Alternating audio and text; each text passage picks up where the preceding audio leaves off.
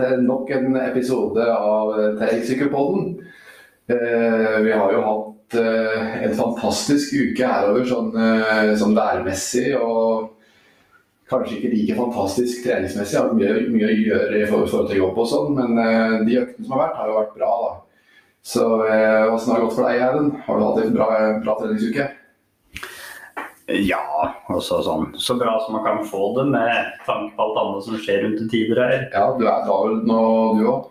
Ja, det er mye som skjer sånn på tampen av et skoleår da, for oss som har unger i, på barneskolealder. Ja, og du driver og selger leiligheta di her, og du skal flytte inn i ny leilighet og ja da. Det er foreldremøter og personalmøter og flytting og Ja. Så man prøver jo å skvise inn treninga så godt man kan. Og, men det er jo som jeg pratet på før en gang, når, eh, når eh, presidenten i USA klarer å få til å trene hver dag, så skal vel vi få det til òg. Ja, det er sant. Det, men at liksom får liksom ekstra eh, fokus på akkurat det her med å planlegge hverdagen da, i sånne travle perioder som vi har nå. Det er liksom enda viktigere liksom, at det er kvelden i forkant og når, når finnes det rom for trening. Ja, man må planlegge hverdagen sin. Ja. Og det tror jeg både vi og de fleste av lytterne våre er flinke til. Ja, det tror jeg òg. Jeg tror de fleste som driver med terrengsykling på eh, på et visst nivå, er strukturerte av seg som personer. Ja, og, og det er jo mange som sier at jo travlere de har det, jo bedre gjør de det med trening òg. Men hvis man ikke har så mye i fôret, så kanskje man bare drøyer og drøyer og så rakk man ikke treninga. Nei, nei, jeg føler litt på det at hvis det er litt travelt, så, er, så blir på en måte mer effektiv i hverdagen nå. Og får trent kanskje enda bedre enn man kanskje ville gjort ellers. Ja. Og så må jeg jo si at alt har jo ikke vært bare stress og mas og kjas og jag. Det har jo også vært muligheter til å følge med på uh, verdenscup i terrengsykling i Leogang den helga her. Ja, I både i downhill og kortbane og i vanlig eh, cross country. Ja. Og det er jo en god indikasjon nå, nærmer seg OL, å se Hva skal vi si? Ja? Se um, hvordan ståa ligger an, da. ja. Og vi kan vel sikkert si det sånn at de norske har nok ikke noen store muligheter for noe medalje i OL.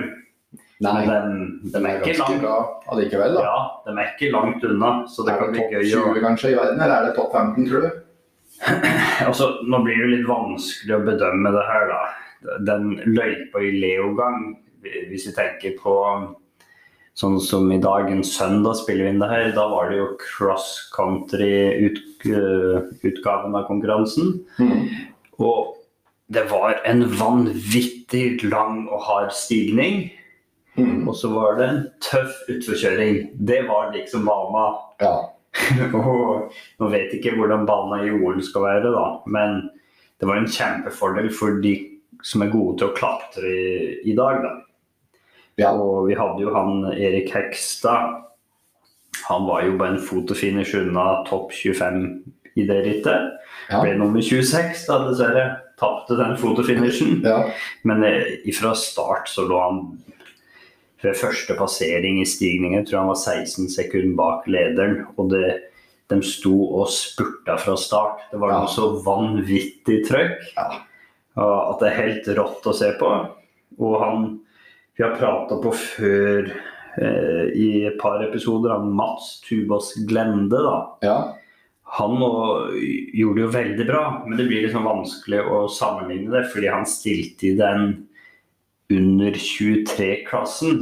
ja. Og der fikk han en topp 15-plassering, som er veldig bra. Mm. Men hvordan det ville gjort seg sammenligna med, med med de andre, det vet jeg ikke.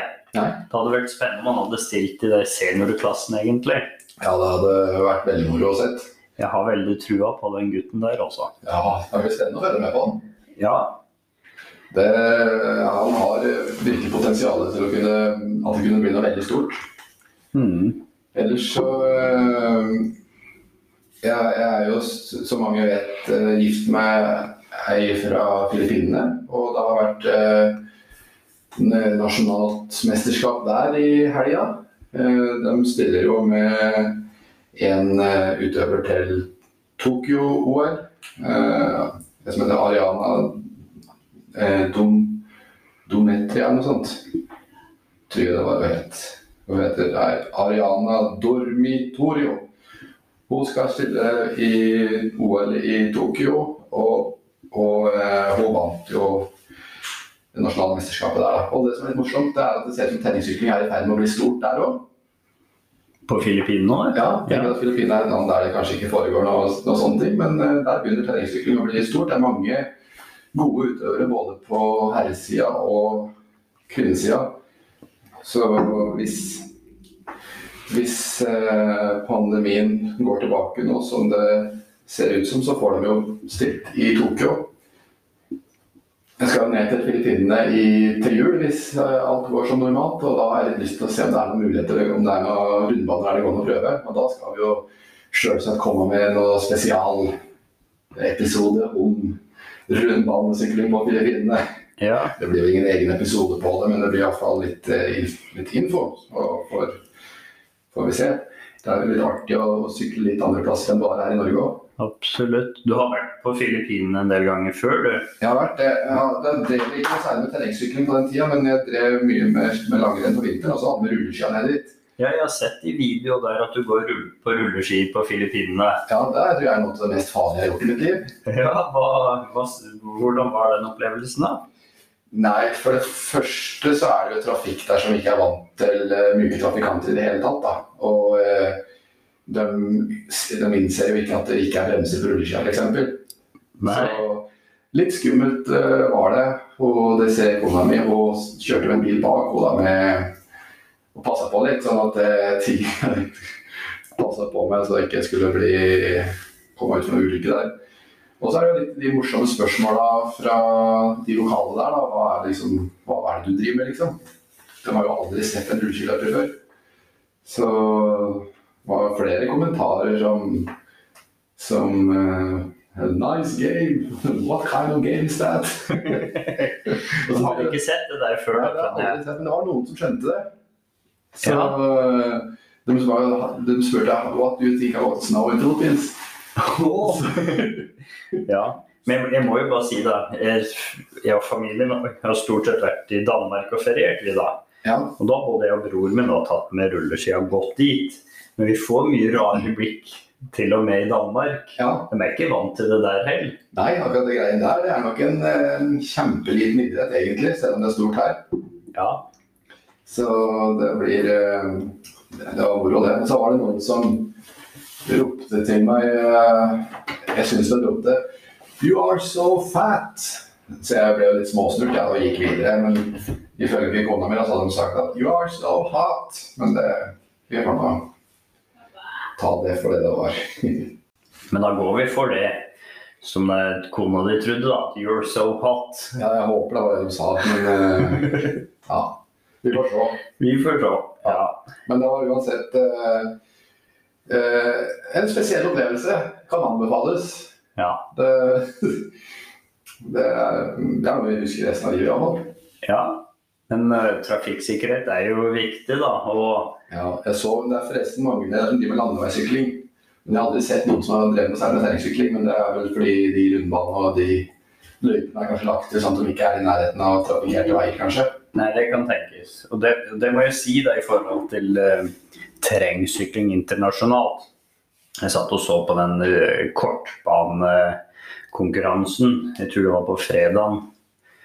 Og det var hvis jeg, om jeg husker, riktig, da, la oss si at de 15 første etter eh, andre passering eller andre runder eller noe sånt, var fra 15 forskjellige land. Ja, så det er en veldig stor, en bred idrett internasjonalt. Ja, at, at det var liksom ikke sånn som det er i, i cyclocross, hvor du liksom har Belgia og Nederland eh, som har 18 av de 20 første plasseringene. Altså det, var, det var fra all, masse forskjellige land. Ja, Sør-Afrika f.eks. Og det er, det er overalt. Overalt. New Zealand og masse europeiske land. Altså alle verdensdeler. Det er Mm. fascinerende. Det er fascinerende. Ja. Ja, det, men men eh, det sier litt om eh, populariteten med det, og moro det egentlig er å drive med. Ja, og, og ikke bare at det er moro, men eh, vi, vi har jo hatt eh, et eh, landeveisritt den helga her. Mm. I ja, var det i går eller i dag? For juniorer og U23. Og der hadde vi jo blant annet Forrige gang så nevnte jeg på hun Oda Laforce. Vet ikke om du husker det, men hun vant jo begge dagene på Lillehammer forrige helg. Ja, jeg husker det. Både på lørdag og søndag. Mm. Og hun stilte jaggu meg opp på Norgescuprittet for juniorer på landevei òg. Ja. Og hvordan tror du det gikk? Det er jo litt sånn med landevei og terrengsykkel. Det er jo litt forskjellige idretter egentlig. Så på, på landevei så er det sånn at det, det kreves masse watt. Mens i terreng så er det, så er det mange flere egenskaper, sånn som jeg ser det, da. Som, som man må være god på. Man må være god teknisk og Rundbaneritt er liksom noe annet enn et landeveisritt. Så, sånn sett så skulle man tro at de spesifikke landeveisrytterne kanskje skulle danke ut henne. Men eh, jeg har jo fått med meg at hun ble nummer to. ja. Og, og hvorfor blir en terrengsyklist vi, vi velger å se på henne som en terrengsyklist så lenge hun er på landslaget i terrengsykling. Mm. At hun primært satser på det. Og, og det er jo som du sier at skal du sykle landevei, så må du tråkke masse watt. Mm. Men jeg vil påstå at det må du jaggu meg gjøre når du sykler terrengsykling òg. Ja, tydeligvis så kreves det vanvittig mye watt der òg, da. Ja, og i tillegg teknikk, taktikk og kanskje da gode avslutningsegenskaper. Ja, det er kanskje nesten som skiskyting. Altså, du må være god på Du må være verdensener på to forskjellige ting, egentlig, Ja, i forhold til vanlig langrenn. ja faktisk. Så nei, det er ja, der, der er det i hvert fall et vanvittig stort sykkeltalent som Norge, Norge kommer til å se mye av i årene framover. For Oda Laforce er jo bare 18 år gammel. Ja, ikke sant. Det er spent å se hva man velger da, til slutt. Om det er landevei eller om det er terreng. Ja, og vi, vi ser jo dessverre da at ofte så blir de beste terrengtalentene plukka opp. Jeg sier dessverre, da, siden vi har et hjerte for terrengsyklinga. At den blir plukka opp av uh, landeveisteam. Ja. Fordi der finnes det etablerte ordninger med at de kan ha litt inntekt i tillegg til å sykle. da. Ja. Det er, det er jo forståelig da, at man velger, velger ofte det økonomisk mest gunstige alternativet. Absolutt. Og, men, men en annen uh, gledelig nyhet da, fra det landeviserittet som var i dag, Ja, det er jo det at uh, Emma Risnes fra CK Elverum ja, vi, er, vi må jo være litt uh, innlandspatriotiske. ja. Og hun klarte å bli nummer tre som sykler for CK Elverum. Hun sykla også Trysilkult-rittet forrige år. ja. Um, hun, hun, hun gjorde det bra, men det var ikke sånn at hun Hva skal jeg si? Ja, at hun, hun- ja, hun, hun, Mm, og- år eller sånt. ja, hun var 17 år. Ja. Og hun fikk en niendeplass på Trysilkult-rittet i fjor, husker jeg. Ja. Men hun var sånn 33 minutter bak vinneren Sunniva Dring. Men hun må jo ha tatt et kjempesteg når hun nå klarer å bli nummer tre ja, det var virkelig gjort. på et landeveisritt i Norgescupen for juniorer. Ja, Så der har jo Seiko Elverum et kjempetalent. ja virkelig. Det, Det, nei, det er utrolig mye positivt som skjer i Seiko Elverum. ja, det er det. Ja, Ja, det stemmer. Du har jo vært og sykla Ja, det var en utrolig bra opplevelse. Ehm, Jeg kom jo der og begynte å sykle og la merke til at det var noen unggutter som drev på der og sykla på Hvor enn da? i Gjerdrum. Ja, på rundbanen i Gjerdrum. Ja, og sa at her har vi kommet fått en fin. Jeg sa ja, det, ja, det har vi jammen gjort, så de var helt enig i det. Og så um, tilfeldigvis kom jo han, eh, han Bengt Arne uh, Storsveen. Han tra- traff på der. Han, jeg så ingen av han, for det er litt vanskelig å se hvem folk er når de har på seg hjelm og briller og sykkelutstyr og sånn. Altså, men han kom bak i et voldsomt tempo, så da sa han Jeg kjørte litt feil, da. Så sa han er oppe her, Ingar. Sånn. Ja. Så da skjønte jeg at eh, var han antakeligvis, da. Så Og da tok han og guidet meg ut på den eh, nye rundbanen der. Og er, det er helt utrolig rått hva de har fått til. Eh, med tanke på at det er ikke så stor gjeng egentlig som driver med de greiene der. Det Det er er noen få ildsjeler der òg, tenker jeg. Ja, det er absolutt. Og, og Bengt Arne er jo en av de primus motora bak eh, den rundbanen. Og de har søkt penger eh, for å Ja, det koster jo penger å bygge en rundbane. Jeg tror, jeg tror eh, at det er snakk om borti to millioner ja, å ferdigstille hele banen. Så det er eh, en kjempebane. Og den nye delen der eh, er eh, vel ikke helt ferdig ennå. Det er noe som er igjen på den. På den nye delen. Nei, jeg tror de har gått ut og sagt at nå er alt ferdigstilt. Ja, ok. Ja. Ja, Det var kanskje i dag jeg så det, faktisk. Ja, ok. Nei, for det, han, eh, de, jeg var der eh, Jeg tok vel noen bilder og la ut på, på Terrengsykkelpodden på Instagram og på Facebook etter at jeg hadde vært der, tror jeg. Ja. Mener jeg husker at jeg gjorde det. Og det eh, Der var det bl.a. en sånn veltegående kjøretøy som hadde fått eh, en stopp oppi. Så, så det var liksom, han var ikke helt ferdig da, altså, men det var ikke mye igjen. Og, og der har de fått inn elementer som drop og pump tracks og hopper og steinrøyser og alt som skal til. da. Og de, driver, og, og de har fått laget en stor, eh, fin parkeringsplass. Nå er det to brakker oppå der som eh, de bruker som klubbhus, men de skal bygge, har planer å bygge et ordentlig klubbhus oppå der òg. Og på sikt så kommer det til å bli arrangert eh, norgescup eh, i rundbane der. ja, for standarden er Og banen er lagd i forhold til de standarder. Ja, Ja. det er den. Så jeg, jeg vil påstå at det må være en av Innlandets eh, kanskje beste rundbaner. Mm. Um, så det er rett og slett å bøye seg i hatten. Jeg ser på Facebook så skriver Sekalven for to dager siden at, at rundbaneløpet er ferdigstilt og klar for sykling. Runden er 4,75 km og er ca. 105 høydemeter. Her er gode muligheter for å trene sine ferdigheter. Som fenriken i Kompani Lauritzen sier, vi er ikke dårlige, men vi er utrente, og det går det an å gjøre noe med.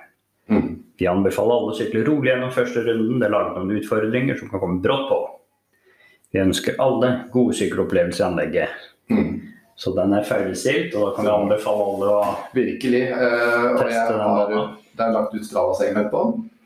Og etter at jeg hadde kjørt den runden en gang, så var jeg faktisk nummer sju på, hele, på det Strava-segmentet. Oi, men den står ikke lenge. Nei, det var bare sju, som hadde den. ikke sant. Så sånn sett så følte jeg at det var litt historisk, da. Ja. Jeg brukte vel en, eh, nesten en halvtime, tror jeg. Ja. det ble mye stopp og mye tap, da. ja. Så jeg kan skylde på det. Eh, Jeg tror Da var det han Bengt Arne som hadde den eh, kommen på 19 minutter rundt der, tror jeg. Og så de forventer at under et norgescupritt og de beste vil nok sette en kom ned mot 14-15 minutter, kanskje, på den rundbanen. Og, og så fort de kjører en fellesøkt, hardøkt borti der, vet du, med ja, at Bengt Arne stiller og Kenneth Lømo, Ja, og så har du jo Birkebeinerkongen Kjell Karlsen som har tilholdssted i Elverum. ja, så vil jo tidene der bli vanskelig å slå for vanlige mosjonister som oss. ja, det blir tilnærma umulig, men eh, det er, jo, det er jo litt moro å kunne måle sine tider mot dem òg, da. Akkurat da ser man kan måle seg litt, se hvordan eh, man sjøl ligger an. Ja, så det kommer jeg til å gjøre. Og jeg, kommer, så jeg jobber i Elverum, så jeg kommer til å ta med kommer til å ta med sykkelen i bilen jeg, noen dager i uka bare for å sykle på den banen. Ja. Prøve å bli litt bedre teknisk, for det, der mangler jeg en del. Det har jeg jo sagt mange ganger før òg. Jeg sjøl har jo kjørt to Vi har en sånn rundbane her på Rena som vi ikke har eh, brukt noen kroner på laget, men det er en natur, naturlig stier i terrenget som i 50-60 år har blitt brukt som sånn løpsbane egentlig da, på stier. Ja, En løype rundt 4 km. Så vi har to økter der denne uka her med det var en fin løype, da. En veldig fin løype. Det er flytsti og raskt tempo. Og, og vi ser at folk der har, de sykler noe så vanvittig fort om dagen. Det er, det er så mange som har fått trent så bra. Ja. Og um, Ja, jeg sjøl henger ikke med i hele tatt med den gjengen der. Nei, nei det er eh, moro når folk folk liksom fått brukt tida bra og kommet seg i god form. Ja, og, og, men jeg så jo i dag da på søndag at eh, en treningskompis som heter Nikolai Rustad, Ja, var han og har jo vært med noen økter der. Og i dag var han der og skulle prøve sjøl for å sette ny pers. ja. Og det klarte han. Ja. Og så fikk jeg se noen bilder hvor han hadde skrubbsår og plaster oppover begge bena. Så ja. Jeg har lagt merke til at Nikolai har eh, tatt noen steg.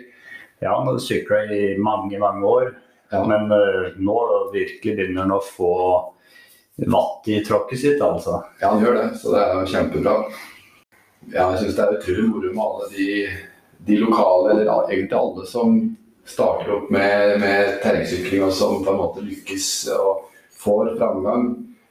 Sånn som Nikolai for eksempel, da. Det er eh, et eksempel på det, så, så det er gøy. Så, men ellers så eh, Vi prater jo litt på det her med Hedmarksvidda rundt og, og ritt, ritt, ritt som kanskje snart blir noe av, da. Og heldigvis så har vi jo øyne og ører ute hos dere lyttere, og den gangen her så var det han Anders Delbekk som eh, hjalp oss med informasjon.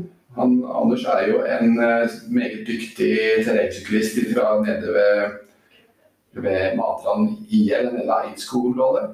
Eh, og han eh, hadde fått med seg da at eh, Hedmarksvidda rundt eh, er avlyst. Det hadde stått på en Facebook-side. Men vi er svært takknemlige for, for sånne innspill, så tusen takk, eh, Anders. Um, så da er det vel kanskje mye som tyder på at Trysil-Knut-rittet kanskje blir eh, et av de første. da. Vi skal jo arrangere, vi, hvis vi får lov. Ja, vi kan jo ta titte litt på terminlista sånn som den foreligger, da. Men jeg må jo først si da at jeg hadde gjort ganske grundig research sjøl i forhold til Hedmarksvidda rundt for det. er Et ritt jeg har sykla mange ganger, og jeg syns det er et vanvittig bra ritt. Ja. Men når du går inn på terminlista, så ser det ut som rittet skal arrangeres. Du går inn på EQ Timings, som er påmeldingsløsninga. Der står det ikke noe om at rittet er avlyst. Man går inn på hjemmesider. Det står ikke noe at rittet er avlyst. Nei.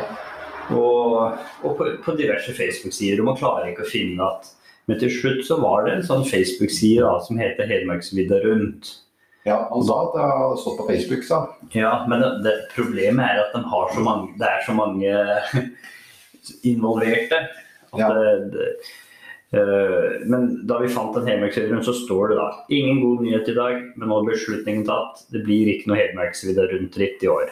Avlyses som følge av koronasituasjonen. Begrensninger og smitteverntiltak gjør at vi ikke ser oss i stand til å gjennomføre rittet som planlagt.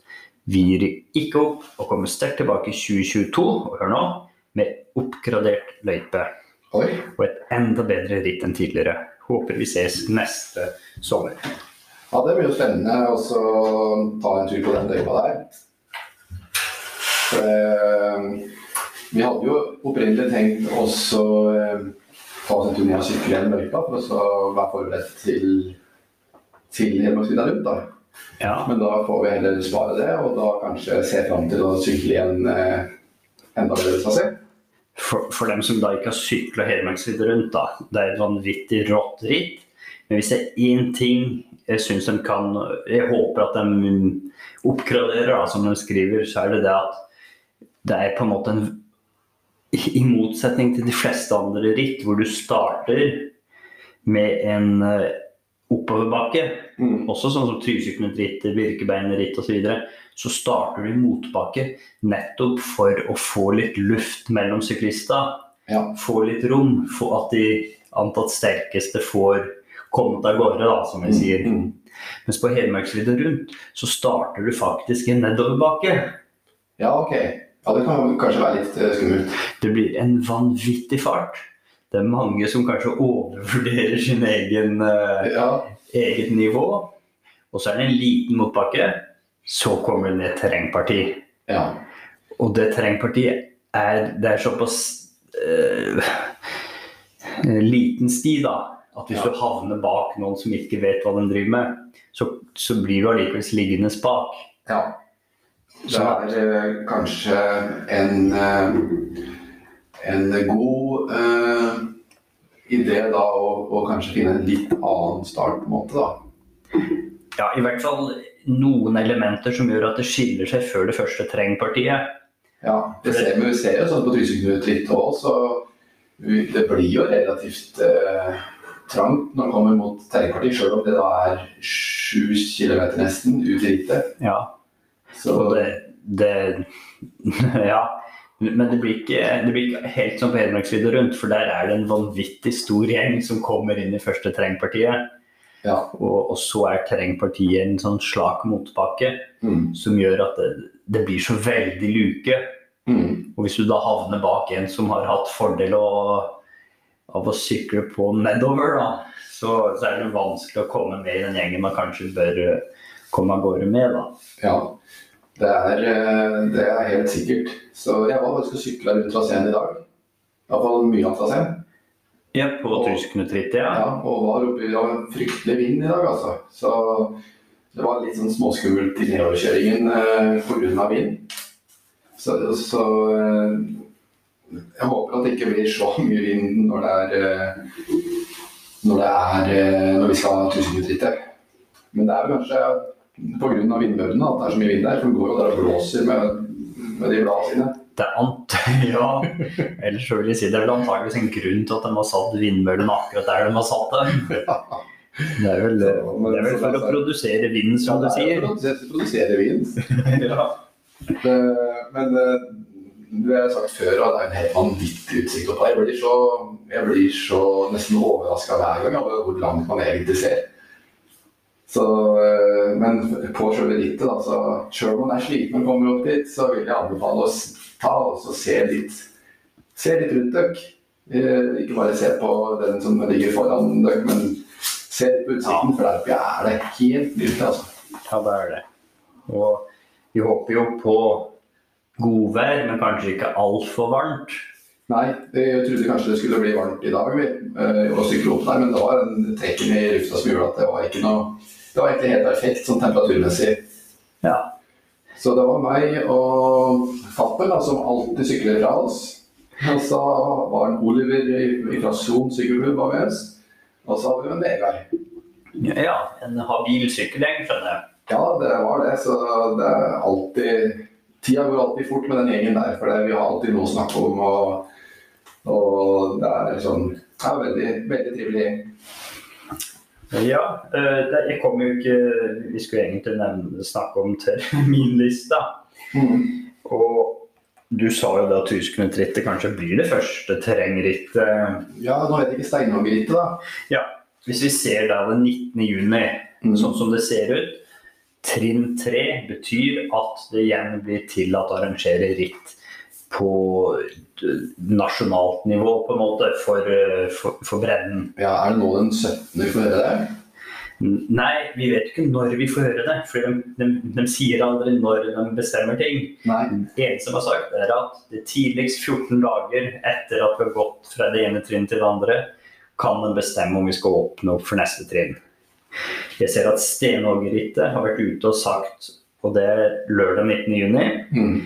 De mener å arrangere, de håper at det fra 18. juni skal åpnes opp for trinn 3, som betyr at det er tillatt med ritt. Ja, får håpe det. Og får håpe det for dem sin. Òg, at de får eh, arrangert. Eh, Ja. Og mens andre ritt som arrangerer med Harry, som Helgelandsvidda rundt, har valgt å avlyse. Skogvoktrittet, som går opp i Nordland. Men det tror jeg er mer et sånn Det, det regnes som et regionalt ritt. Ja.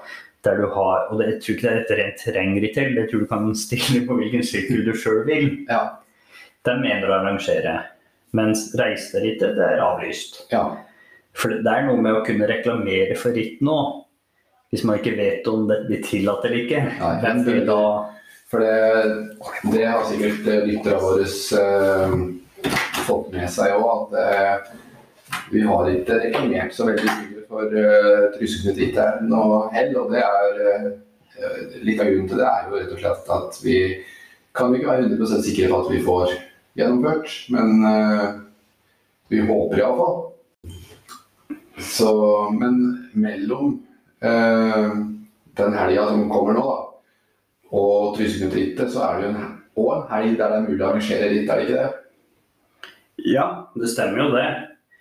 Um, men det, det er lite Altså, det, det, er veldig mange som har valgt å flytte på rittdatoene sine. Mm. Sånn som Stenhoggerritto. Det skulle egentlig vært arrangert mye tidligere. Men de, eh, de valgte jo å flytte til, til 19. Eh, Nettopp fordi de da håpa at det skulle være lov å arrangere. Ja. Uh, hvis vi ser på Det er jo terrengsykling vi er mest opptatt av. Ja. Og da ser vi at den helga etter den vi nevnte nå, så har du Ja, det, det er egentlig ingenting. Det er ingen ritt den helga, nei? Du har, et, du har Savkadas-rittet i Karasjok. Mm. Og Vassfjellmasta bakketråkk. Det er et trimritt. Og så er det noen sånne små cuper og noe og, Ja, det, ja. Det, så det er liksom ikke noe den helga heller? Nei, så da, da, blir det lite. Altså, det, jeg tror det kan bli ganske mange på Trysilsrittet eh, som kommer. For det, folk er sultne for litt nå. Mm. Det må jo sies at det nå blir tillatt å reise til Sverige igjen, det har vi jo ikke undersøkt. Når da blir det? Nå er det allerede tillatt nå? For dem som er vaksinert. Å oh, ja. ja. Så det, det, var vel nå på fredag. Ja. Og Sånn at det kan finnes ritt i Sverige man kunne ha deltatt på. Ja, jeg er ikke vaksinert ennå, jeg da. Nei. Det kan late som jeg er, men det ja. ja. Nei, det, nei da, men det, vi får da bare ja. avvente det. Nei, og da blir det den første helga i juli da, med Trysknuteritt. Og så har du ingen andre terrengritt den helga, nei. nei. Det er jo Øyungen rundt har du faktisk noe som heter i Hessdalen. Ok, det er jo ikke så langt dit. Det er jo rett nord for Røros, er det ikke? Ja, men der, der, er det heller ingen påmeldte. Men sånn som vi på Trysknuteritter, selv om vi ikke har gått ut og reklamert noe, så har vi jo 16 påmeldte alt. Ja. Og jeg ser jo på listene at det er veldig mange fra nærområdet, da. Ja. Og veldig mange gode syklister. Så. Det er veldig moro. Er det noen kjente på Ristein der? Vi har jo uh, Stefan Hartz Repsu, som jeg tror de fleste av lytterne våre vet hvem er. Ja. Og vi har uh, han Anders Delbekk du prata på. Ja. Vi har uh, Ragnhild Bolstad, veldig mange vet hvem hun er. Hun har jo en målsetting da, om å ta 100 merker i Birken før hun gir seg med idrett. Ja. I, og, og, da snakker vi om i, på løping, sykling og ski. Ja, på trippelen på trippelen. I 2019, sist gang trippelen ble arrangert, mm. så vant hun Birkebein-trippelen totalt sett. Yes. I konkurranse med satsende eliteutøvere som er 35 år yngre enn Ja, og er et unikum. Ja, og vi har Tor André Bjørger fra Raufoss Gjøvik sykkelklubb. Vi har uh, Er Oliver påmeldt, da?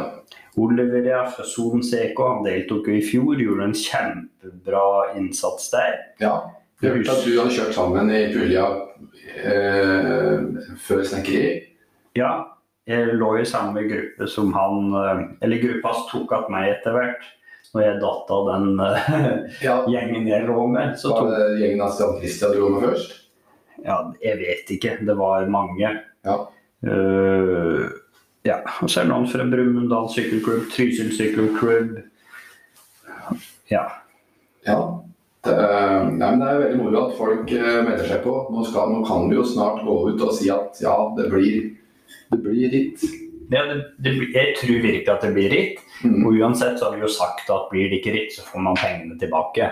Ja, så det, det er ikke penger det skal stå på. Vi har 200 ledige startnumre. vil Si, vi har ikke 200 ledige nå. Nå har vi 80, 184 ledige startnumre. Ja, ja. Men det går fort tror jeg, når det først begynner å melde seg på.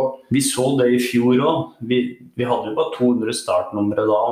Og når vi først fikk klarsignal om at det blir ritt, mm. da var vi tett på 200 deltakere, og vi ble fulltegna. Ja. Men det kom vel ikke 200 til start, men alle startnumrene ble revet bort. Ja, Ecotiming de var vel sånn at de kunne produsere noen ekstra, gjorde de ikke det? Jo, de pleier å ha med seg noe nå også, men, det, Ja. nå er det jo litt med reglement og sånn at Ja. det er kun 200 i hver eh, gruppe, så vi vil ikke tillate noe mer enn 200 i år. Nei. Nei da, altså eh, Jeg ser jo det at det er vel allerede helga etter Trysil-rittet at uh, terreng-NM maraton går, da. Ja, tenk det. Og det er jo faktisk tenk, det er en, det er en fantastisk oppkjøring fram til det. Ja, for de fleste Altså, jeg, jeg vil jo påstå det at du kan jo ikke komme til NM og ikke ha deltatt på noe ritt ennå. Nei. Du må ha vært Du må ha hatt et startnummer eh, på styret Ja, ja. før du kommer på NM. Ja. Nei, så vet du hva jeg har tenkt litt på? Det er at eh, den helga som er før Trysil-rittet da da burde vi jo dratt opp de NM-løypene og også fått sykla gjennom og, og komme med en liten episode der vi, der vi snakker om NM-løypene og hvordan de føles. Vi har pratet jo med han som er leder for, eh, for arrangementet. Eh, Og han sa at dette er eh, en veldig teknisk løype. Ja, det er det jeg har hørt òg. Også det jeg har hørt, er at det er en teknisk løype.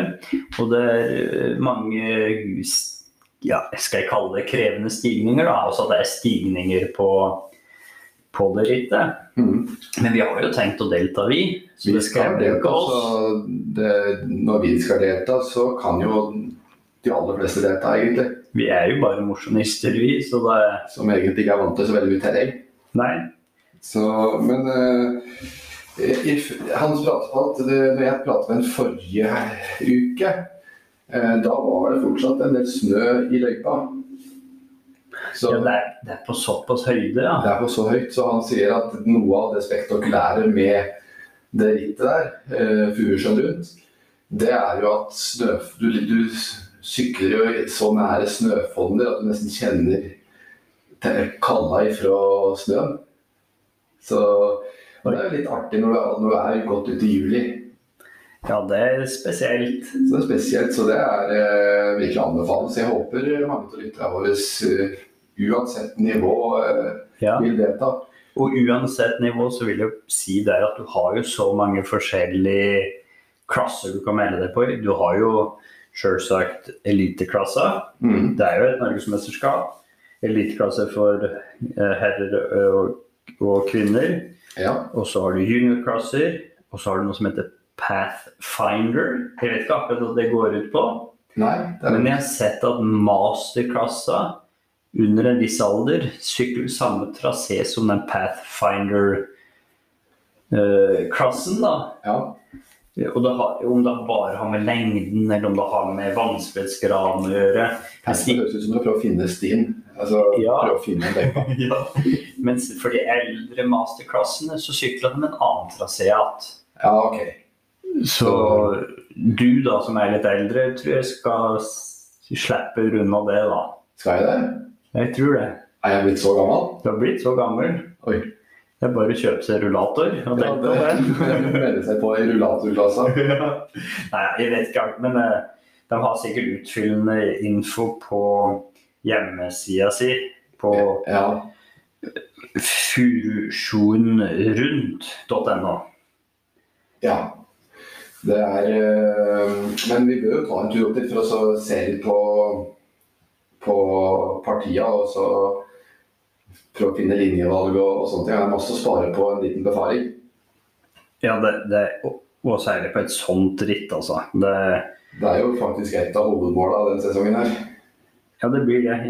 Tryseknut-rittet, NM og Birkebeinerrittet blir de tre store denne sesongen her, pluss Trans-Østerdalen. Ja, jeg føler Transøsterdalen den, den scorer høyt, altså. Den scorer veldig høyt, men det blir litt sånn spesielt med tanke på at vi nå for første gang stiller i parklasse sånn. Da. Ja, det er jo liksom litt artig at vi endelig har blitt et par. Ja. ja, men det er uh, veldig artig, også. Ja. Så det er uh, sikkert eh, mange som har lyst til å slå Team Terrengsykkelpodden. Tror du ikke det? Det vil jeg tro. Jeg tenkte bare Nå var jeg inne på den furusjoen rundt.no, Ja. og da har de jo det er forskjellige lengder og sånn. Det som er sidingsritt til Birken, grenseritt og sykkelvasene og sånn. Men nå er jo mye av det avlyst for i år, da. Men Birkebeinerrittet blir jo antageligvis. Da er det den 70 km som er distansen du skal melde deg på i. ja.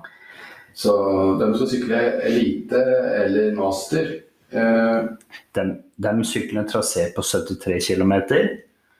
Da er det NM og UCI MTB Marathon World Series Elite menn. NM Masters menn 30-39 år. Furusund rundt Pathfinder. De sykler vel den på 73 km. mm, Så det høres jo ut som den eh, Og det er seeding til Ultrabirken, så det er nok en teknisk krevende trasé. Ja. Og Men det er opp til 39 år. 30-39 år, ja. Så det høres ut som du har blitt såpass gammel. Det høres faktisk sånn ut. Da føler jeg meg litt sånn åh, åh. Ja, du, du som da er menn 40 pluss, da. Du skal sykle samme trasé som Marathon World Series Elite for kvinner, NM Masters for kvinner og NM Masters menn 40 pluss. Ja. Og Furusund rundt for junior. Ja. De dere da en trasé på 57 km. ja, det er langt nok det òg. Men startene på disse traseene tror jeg er den samme. Liksom de første to mila osv. Og så blir det vel litt uh, Er det noe kart der som viser åssen Det er både kart og beskrivelse og alt. Så jeg vil jo bare anbefale alle går inn på den furusjonen rundt.no og leser litt, altså. Ja. For det Og så har de et turritt, altså ungdomsritt. De har eh, trim- og familieritt og elsykkelritt. Altså de, de har et tilbud til alle. Mm. Så det En viktig informasjon som han eh, ba oss om å si, det var at det aller siste påmeldingsfrist for de som sykler NM eller master, er 5. juli. Ja. Så det er vel en uke før, da. ja eller mandagen den eh, uka rittet går. Ja, stemmer. Om det da vil si at du har meldt deg på i løpet av den søndagen, kanskje? da? Hvis det var innen femte, eller om det var i løpet av femte, det vet jeg ikke. Nei, det er bare å melde seg på i god tid før, sikkert. Absolutt. Så det, det var viktig å få med seg. Så etter det, da er det noe særlig som står på tapeten da? Eller er det pause, eller er det fellesferie, kanskje? Fellesferien har jo pleid å komme hvert år, så vidt jeg vet. Ja. Men det har jo også vært sykkelritt i, i fellesferien. Det kan hende det blir mer enn nå pga. at det er mange som måtte utsatt. Ja. Og jeg ser jo på lista at altså det, det, det er jo stusslig lesning. Det er avlyst, Valdresrittet som jeg sykler er avlyst, Molde Challenge avlyst, og Rally Juleneset avlyst. Du har eh, Offroad Finnmark. Der står det ikke på terminlista til Sykkelforbundet om avlyst eller ikke, så det, og, og i heiene. Mm. Så jeg håper det blir noe ritt der i fellesferien, altså. Mm. Ja, det får vi virkelig satse på. Det, jeg kjenner jeg er skikkelig sulten på ritt nå. Ja. Eller så må du ut i august og 8. august kongerittet og Transøsterdalen som vi prata på. Rensfjellrittet 14. august. 1814-rittet Peidsvoll. Eidsvoll. Eidsvoll 14. august. Mm. Ja. Ja. Det, det, blir ikke, det blir ikke en sesong fylt med ritt i år. Nei, normalt sett så pleier sesongen å starte i mai. den. Ja, og enda tidligere for Det, det kan hende jeg prata før, da, men eh, Danmark, tenker du på? Ja, Ja. det med Danmark altså, De har veldig fine sykkelritt i mars-april i Danmark. ja. Og det Jeg må jo si at det var en av grunnene til at jeg sjøl begynte å, å trene litt mer seriøst. Det var en kompisgjeng av meg. Mm.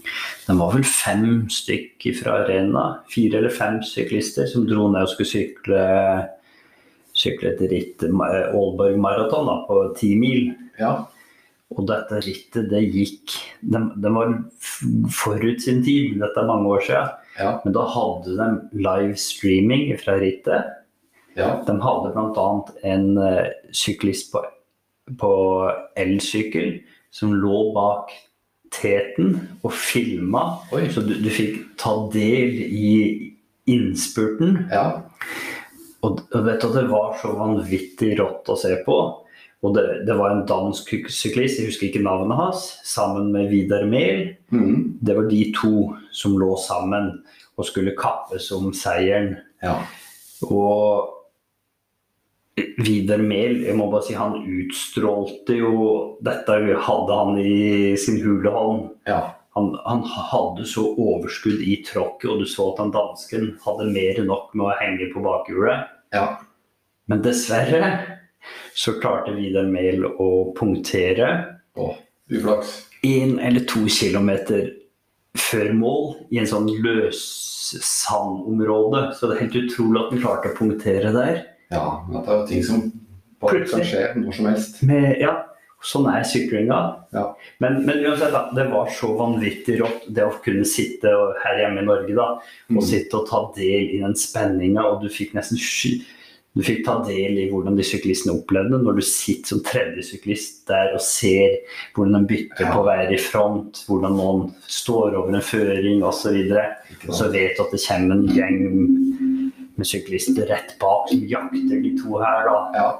Det, det måtte være virkelig forut sin tid. Altså, Ja. Det var er det ti år siden omtrent. Ja, ja, nei, så lenge jeg er nok ikke, men det begynner å bli lenge siden. Ja. Og, og det var faktisk den opplevelsen der, både at den kompisgjengen dro ned dit og deltok, um, og det at man kunne sitte og følge med på livestreaming, som Mm. gjorde at, det ble, at jeg sjøl begynte å tråkke litt, syntes at det her virka spennende.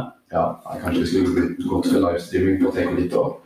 Ja, det, jeg tror det, men da, da må vi finne for en unntaksregel. For det, sånn som den danske i Norge, så har vi de reglene med 300 watt og fartsgrense på 25 km i timen på delsykler. elsykler. Ja, det blir Og det hadde ikke uh, hjulpet noe på et, på et sånt ritt, og ikke på tysk minutter heller, for det går jo jeg tror snittfarta rundt sjøen er mellom 35 og 40 Ja. km i timen. Ja, det er kjempefort. Eh, Men det er, men det er, da regner vi ikke med Vinnerbergen, sikkert. Jo, totalt. Og du regner med, å, da, da går det fort. Ja, det går fort. Det var, det var Nikolai Rustad som prata på det her til meg. Ja. At han hadde løyet sammen med en for to-tre år siden. Mm. Det var første året det var nå. At han hadde aldri sykla så langt med den snittfarta. Og det var over 30 km i timen.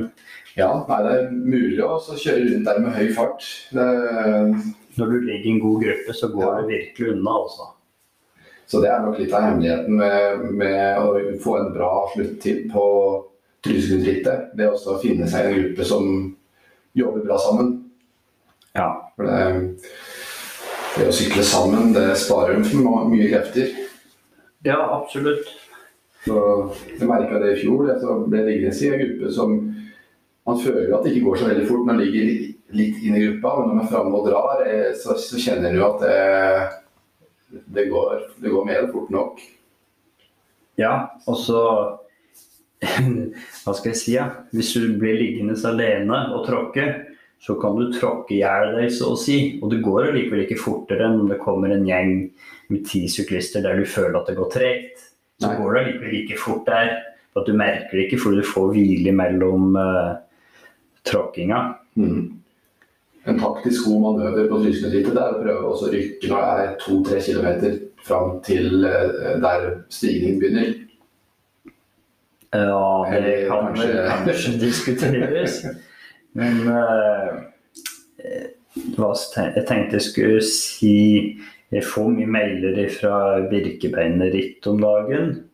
Ja, ja. Er du påmeldt Birkebeinerrittet? Nei, det tror jeg ikke. Er det greit? Det er ikke for sent. Der er det ledige plasser. Men det er så, jeg syns jeg må si at jeg så en artig påmelding der uh, i eliteklassa. En artig påmelding?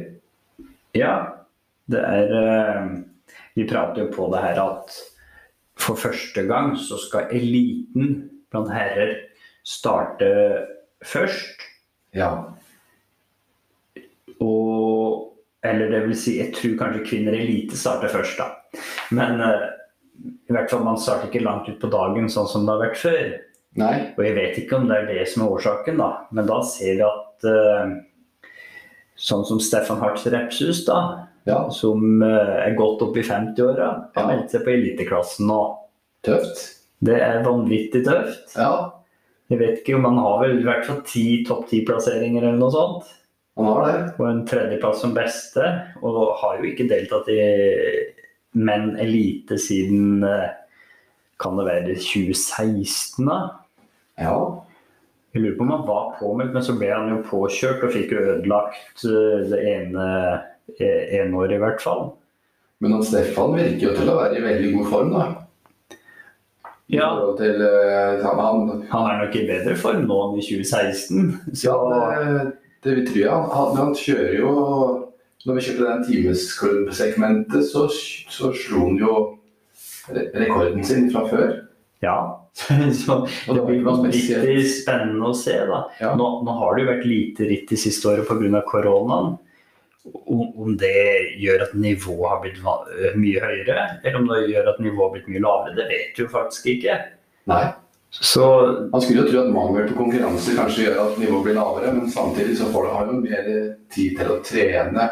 hvis du ser på Therese Johaug, da, som Ja, er kanskje sant? ikke er Det er jo ikke et eksempel som gjelder for alle, da. Nei. Men hva det med et par år uten konkurranse faktisk kan gjøre, da. Hvis Ja. du da trener øh, hardt. Mm. Sånn som Stefan har jo trent hardt. Ja, han har gjort det. Han har trent veldig systematisk. Så se opp for den mannen. ja.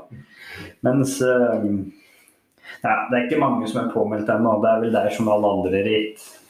Ja, det er nok det. Så Det er ti stykk da som er påmeldt i menn elite foreløpig. ja. Men det, det har jo vært lite sidingsritt òg, så ikke sikkert folk lenger har grunnlag for å melde seg på elite. Det, Nei.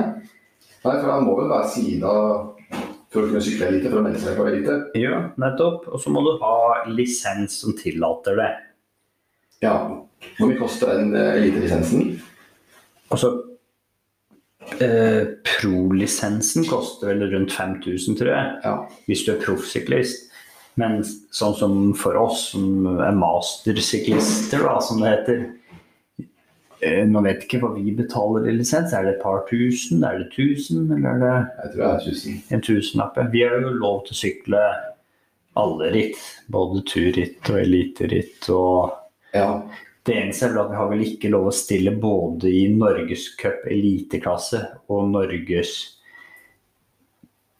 Norge, altså i NM i master. Du kan ikke blande de to, på en måte. Så du må kjøre i én Ja, har du, har du sykla norgescup i eliteklassa, Ja. norgescupritt, så har du ikke lov å stille i masters eh, på NM.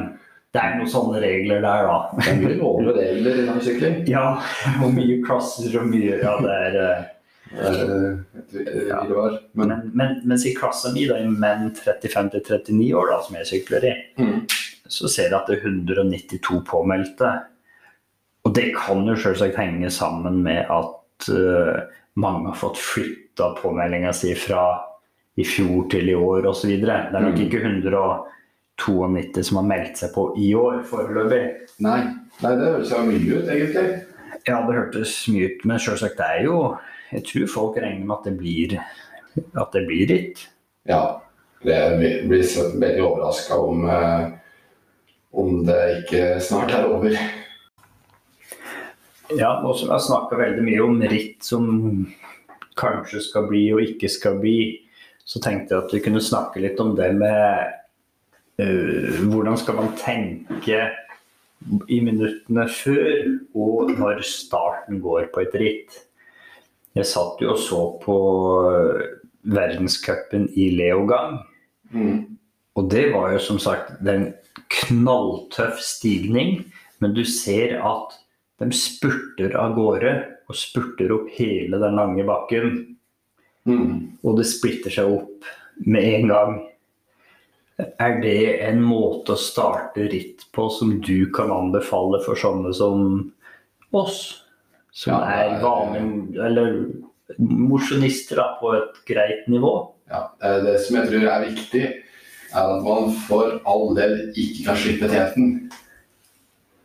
Ja, uansett nivå. Uansett nivå så slipper man ikke teten. Nei, eh, det som jeg tror Jeg vet meg sjøl eh, før hit, hvis jeg ikke har tenkt gjennom eh, hvordan åpningen skal være og sånne ting, så åpner jeg alltid fart. Eh, uansett. Så jeg må, jeg må, på en måte være veldig bestemt eh, mot meg sjøl i, i, forkant av rittet. er at eh, hvis det da ikke er veldig viktig at man henger med pga. en single track som kommer ganske fort, f.eks., så, så vil jeg gjøre det beste rittet om jeg starter kontrollert. Sånn som på Hanekamp i fjor, som for øvrig er et fantastisk artig ritt. Eh, så ble jeg for ivrig i starten og var egentlig helt kjørt da vi kom innom er egentlig to to forskjellige runder. Det Hanekamp-rittet. Så da jeg kom innom stadionområdet etter første runde, så var jeg egentlig helt kjørt. Jeg var helt i kjeller. Så da hadde jeg rett og slett åpenbart. Jeg hadde ligget i et felt som jeg synes egentlig at jeg klarte å henge med helt greit. Og så var det en eller annen tulling i meg som sa at eh, nå må jeg kjøre, kjøre ifra. Ja. Og da kjørte jeg ifra, og så ble jeg nådd igjen like etterpå. For at jeg da hadde gått over grensa til hva jeg egentlig kunne kjøre. Ja. Og det er så typisk. Det er så typisk meg at jeg klarer liksom ikke å kontrollere, kontrollere meg godt nok i forhold til mitt eget nivå. Men hva er det som gjør det, tror du? Er det det håp om at man plutselig skal være på et høyere nivå ja. enn man egentlig er? Eller at i dag er dagen, i dag klarer jeg å henge med de beste? Eller hva? Jeg, jeg tror kanskje at det er en, en sånn iboende optimisme som, som man innbiller seg sjøl at man kanskje klarer å sykle litt fortere enn det man tidligere har gjort, da, helt plutselig. Og det ja. viser seg hver gang at det, det, er ikke mange dager som er sånn at du plutselig klarer å sykle fortere enn det du noen gang har gjort før. Noen ganger har man den dagen, men det er ikke ofte. Så, eh, men når det er sagt, så, så er det noe dritt som krever en, eh, en tøff start òg, for at man ikke skal henge med en gruppe som gående kommer for langt bak. Ja. Birken har jeg en tendens til. Der, den, eh, Iallfall med den formen jeg har vært i tidligere, så, så har jeg hatt veldig godt utbytte av De beste ritta der har jeg kjørt med en kontrollert åpning. Ja. Men det må jo sies at Birken er jo et spesielt ritt som jeg mener ikke egentlig er eh, kan sammenlignes med andre ritt. Fordi det alltid, som jeg har pratet om, det kommer sånne store puller bak som du alltid kan hekte deg på hvis du har mista din mm. pulle. Og det vil gå om du starter i pulle 1 eller 2, så vil, så vil det gå fort i de pullene bak der òg. Ja. Det som har vært, det som har vært taktikken min på Viken tidligere, det har vært også eh, kjøre kontrollert eh, til Skramstadsetra og så komme seg gjennom det Skramstadsetra er ikke Skramstadsetra? Jo, jo Skramstadsetra. Ja. Altså ned hjulpose der, og så gjennom gåparti. Etter gåparti så kommer du på en sånn eh, grusvei. Og først da begynner jeg å henge meg på grupper og, og begynne å kjøre i skikkelige grupper. Mm. Det, er, det, er nok ikke en dum tanke, det der, også. Det har vært taktikken tidligere, iallfall kjøre kontrollert fra start, og så hekte det på når du er gjennom de mest krevende partiene, da, sånn som stigning til Skramsesetra og terrengpartiet faktisk er. da. Mm. Nei, jeg, jeg, har ødelagt virkemiddelet noen ganger for meg sjøl ved å kjøre for hardt opp dit, opp, opp, den biten der, første biten. For det er et langt ritt. Det er veldig langt ritt, og det, det er kanskje det folk glemmer. da, At man, man hører hele tida at nei, opp til Skramsesetra, det, det er det som er rittet. Ja. Men da har du jo bare sykla en åttendedel eller noe sånt ja, av hele rittet. Det er veldig langt. Du, Har du noen sånne uh, taktiske godbiter å komme med i forhold til uh, åpningsfart? Nei, ikke annet enn at det er jo veldig lurt å sykle en del hardøkter uh, på trening, da. Så, så, du klarer å, å, gjerne sammenligne med andre syklister hvis du har muligheten til det, for å faktisk finne ut hva slags nivå du er på. da. Mm. Uh, fysioterapeuten til skiskytterlandslaget gjennom mange år skrev en bok en gang om det der. Og han skrev om det at for å lykkes med noe i konkurranse, så må du lykkes med det ni av ti ganger på trening. Mm. Og da, da tenker jeg faktisk at det er sånn at klarer du ikke å vise til det nivået på trening, så klarer du ikke det i konkurranse heller. Nei. Selv om du klarer, kanskje klarer å hente fram et lite gir ekstra da, pga. adrenalin og formtopping og alt sånn. Mm. Men så er det, det er ikke sånn at du plutselig er på et mye høyere eller lavere nivå Nei. enn det du er på trening. Så ha en realistisk målsetning i forhold til det nivået du er på. da. Og Og det kan kanskje være et veldig godt argument til å oppsøke treningsgrupper der det er eh, der du får kjørt hardøkter sammen med folk som er bedre enn deg. da får du kjenne på det nivået og det tempoet, og hva det kan gjøre med deg. For de fleste klarer å henge med på et visst tempo en liten stund. Ja. Men det kan, komme, det kan slå deg i bakken eh, etter hvert. Men vet du hva det verste med det er for noe? Nei, Det, det går jo litt utover sjølfølelsen, da. hva da? Og så trene sammen med folk som er bedre enn seg. Ja, man, får, man, Man får seg et slag i trynet. man gjør det. Man ser jo hvor skapet står hen. og Kanskje det er det som gjør at mange kanskje kvier seg litt med å trene opp med sånne grupper. For du hele tida, du hele tida får Du ser du er, du er liksom ikke noe bedre enn en det, da. Da får du på en måte skapet plassert at eh, du Du får vite hvor god du egentlig er.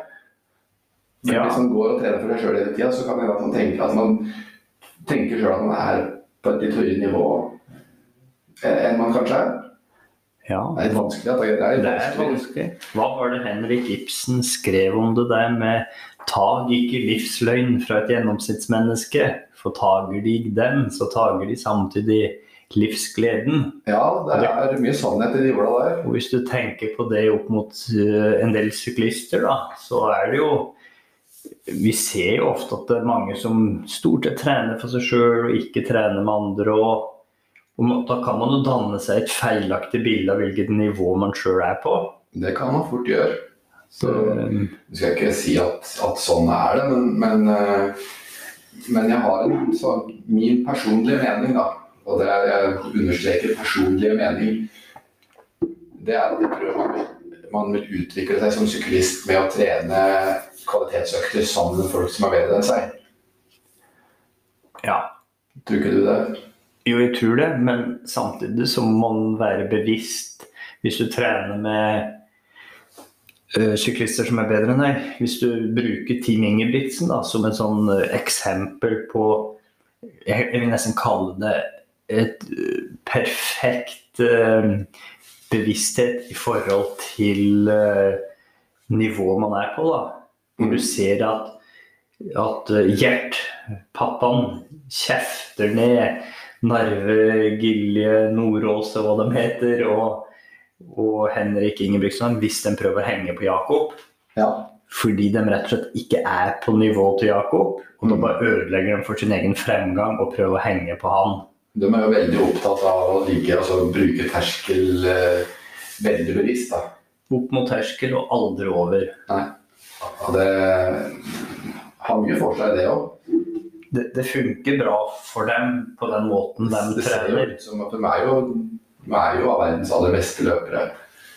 Så ehm, det, det han står for, trenings, eller treningsfilosofien hans Gert, den er nok ikke dum, for å si det sånn. Den er ikke dum i forhold til en resultatorientert trening. Nei. Men hvis man tenker det med Jeg hørte et intervju med han Gjert nå, hvor han prata på Narve, da.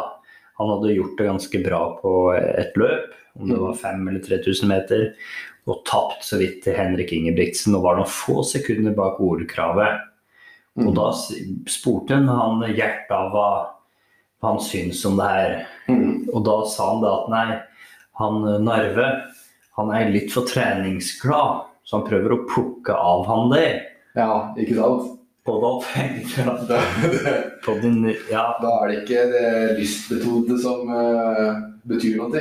Det er resultatet som til slutt kommer fram, som er det som teller. det er resultatet, ikke noe annet enn resultat som betyr noe. Og jeg syns egentlig det er veldig dårlig signal å sende ut til alle de løpsglade ungdommene som finnes i landet her. Ja, ja det er det. Det er det er sikkert det som skal til for å prestere på et så høyt nivå, men det, det er jo egentlig ikke sånne verdier vi ønsker å ha i norsk idrett. Nei, vi, idrett skal jo være lystbetont. Ja. Og det kan godt være at man, man, man kan godt ha, tenke det, men jeg tror ikke de bør si det så høyt. At det er sånn man eh, At, at løping eller trening, det er ren jobb, ikke noe annet. Nei. Nei, Nei jeg, jeg er helt enig. Så. Men eh, det ser jo faktisk ut som at eh, vi nå dessverre er i ferd med å eh, måtte begynne å avrunde. Ja, det er riktig. Og vi pleier å ha med en bolk om Ukas økt. ukas økt. Og nå hører du det her på en mandag antageligvis, da, mandag eller tirsdag. Ja. Og hvis alt uh, faller seg riktig, da, så er det, er det neste uke det er uh, ritt. Mhm. Kanskje du tar deg tur ned til Stenhoggerrittet i Halden. ja. Hvis alt uh, klaffer. Og da bør du ha det i tanken, tenker jeg. Ja. Um, og det jeg mener med det, er vel at man kanskje bør begynne å tenke gjennom hardøktene sine. ja. At de skal legge, være få til litt restitusjon òg, kanskje. Ja, ha litt overskudd i bena. Mhm.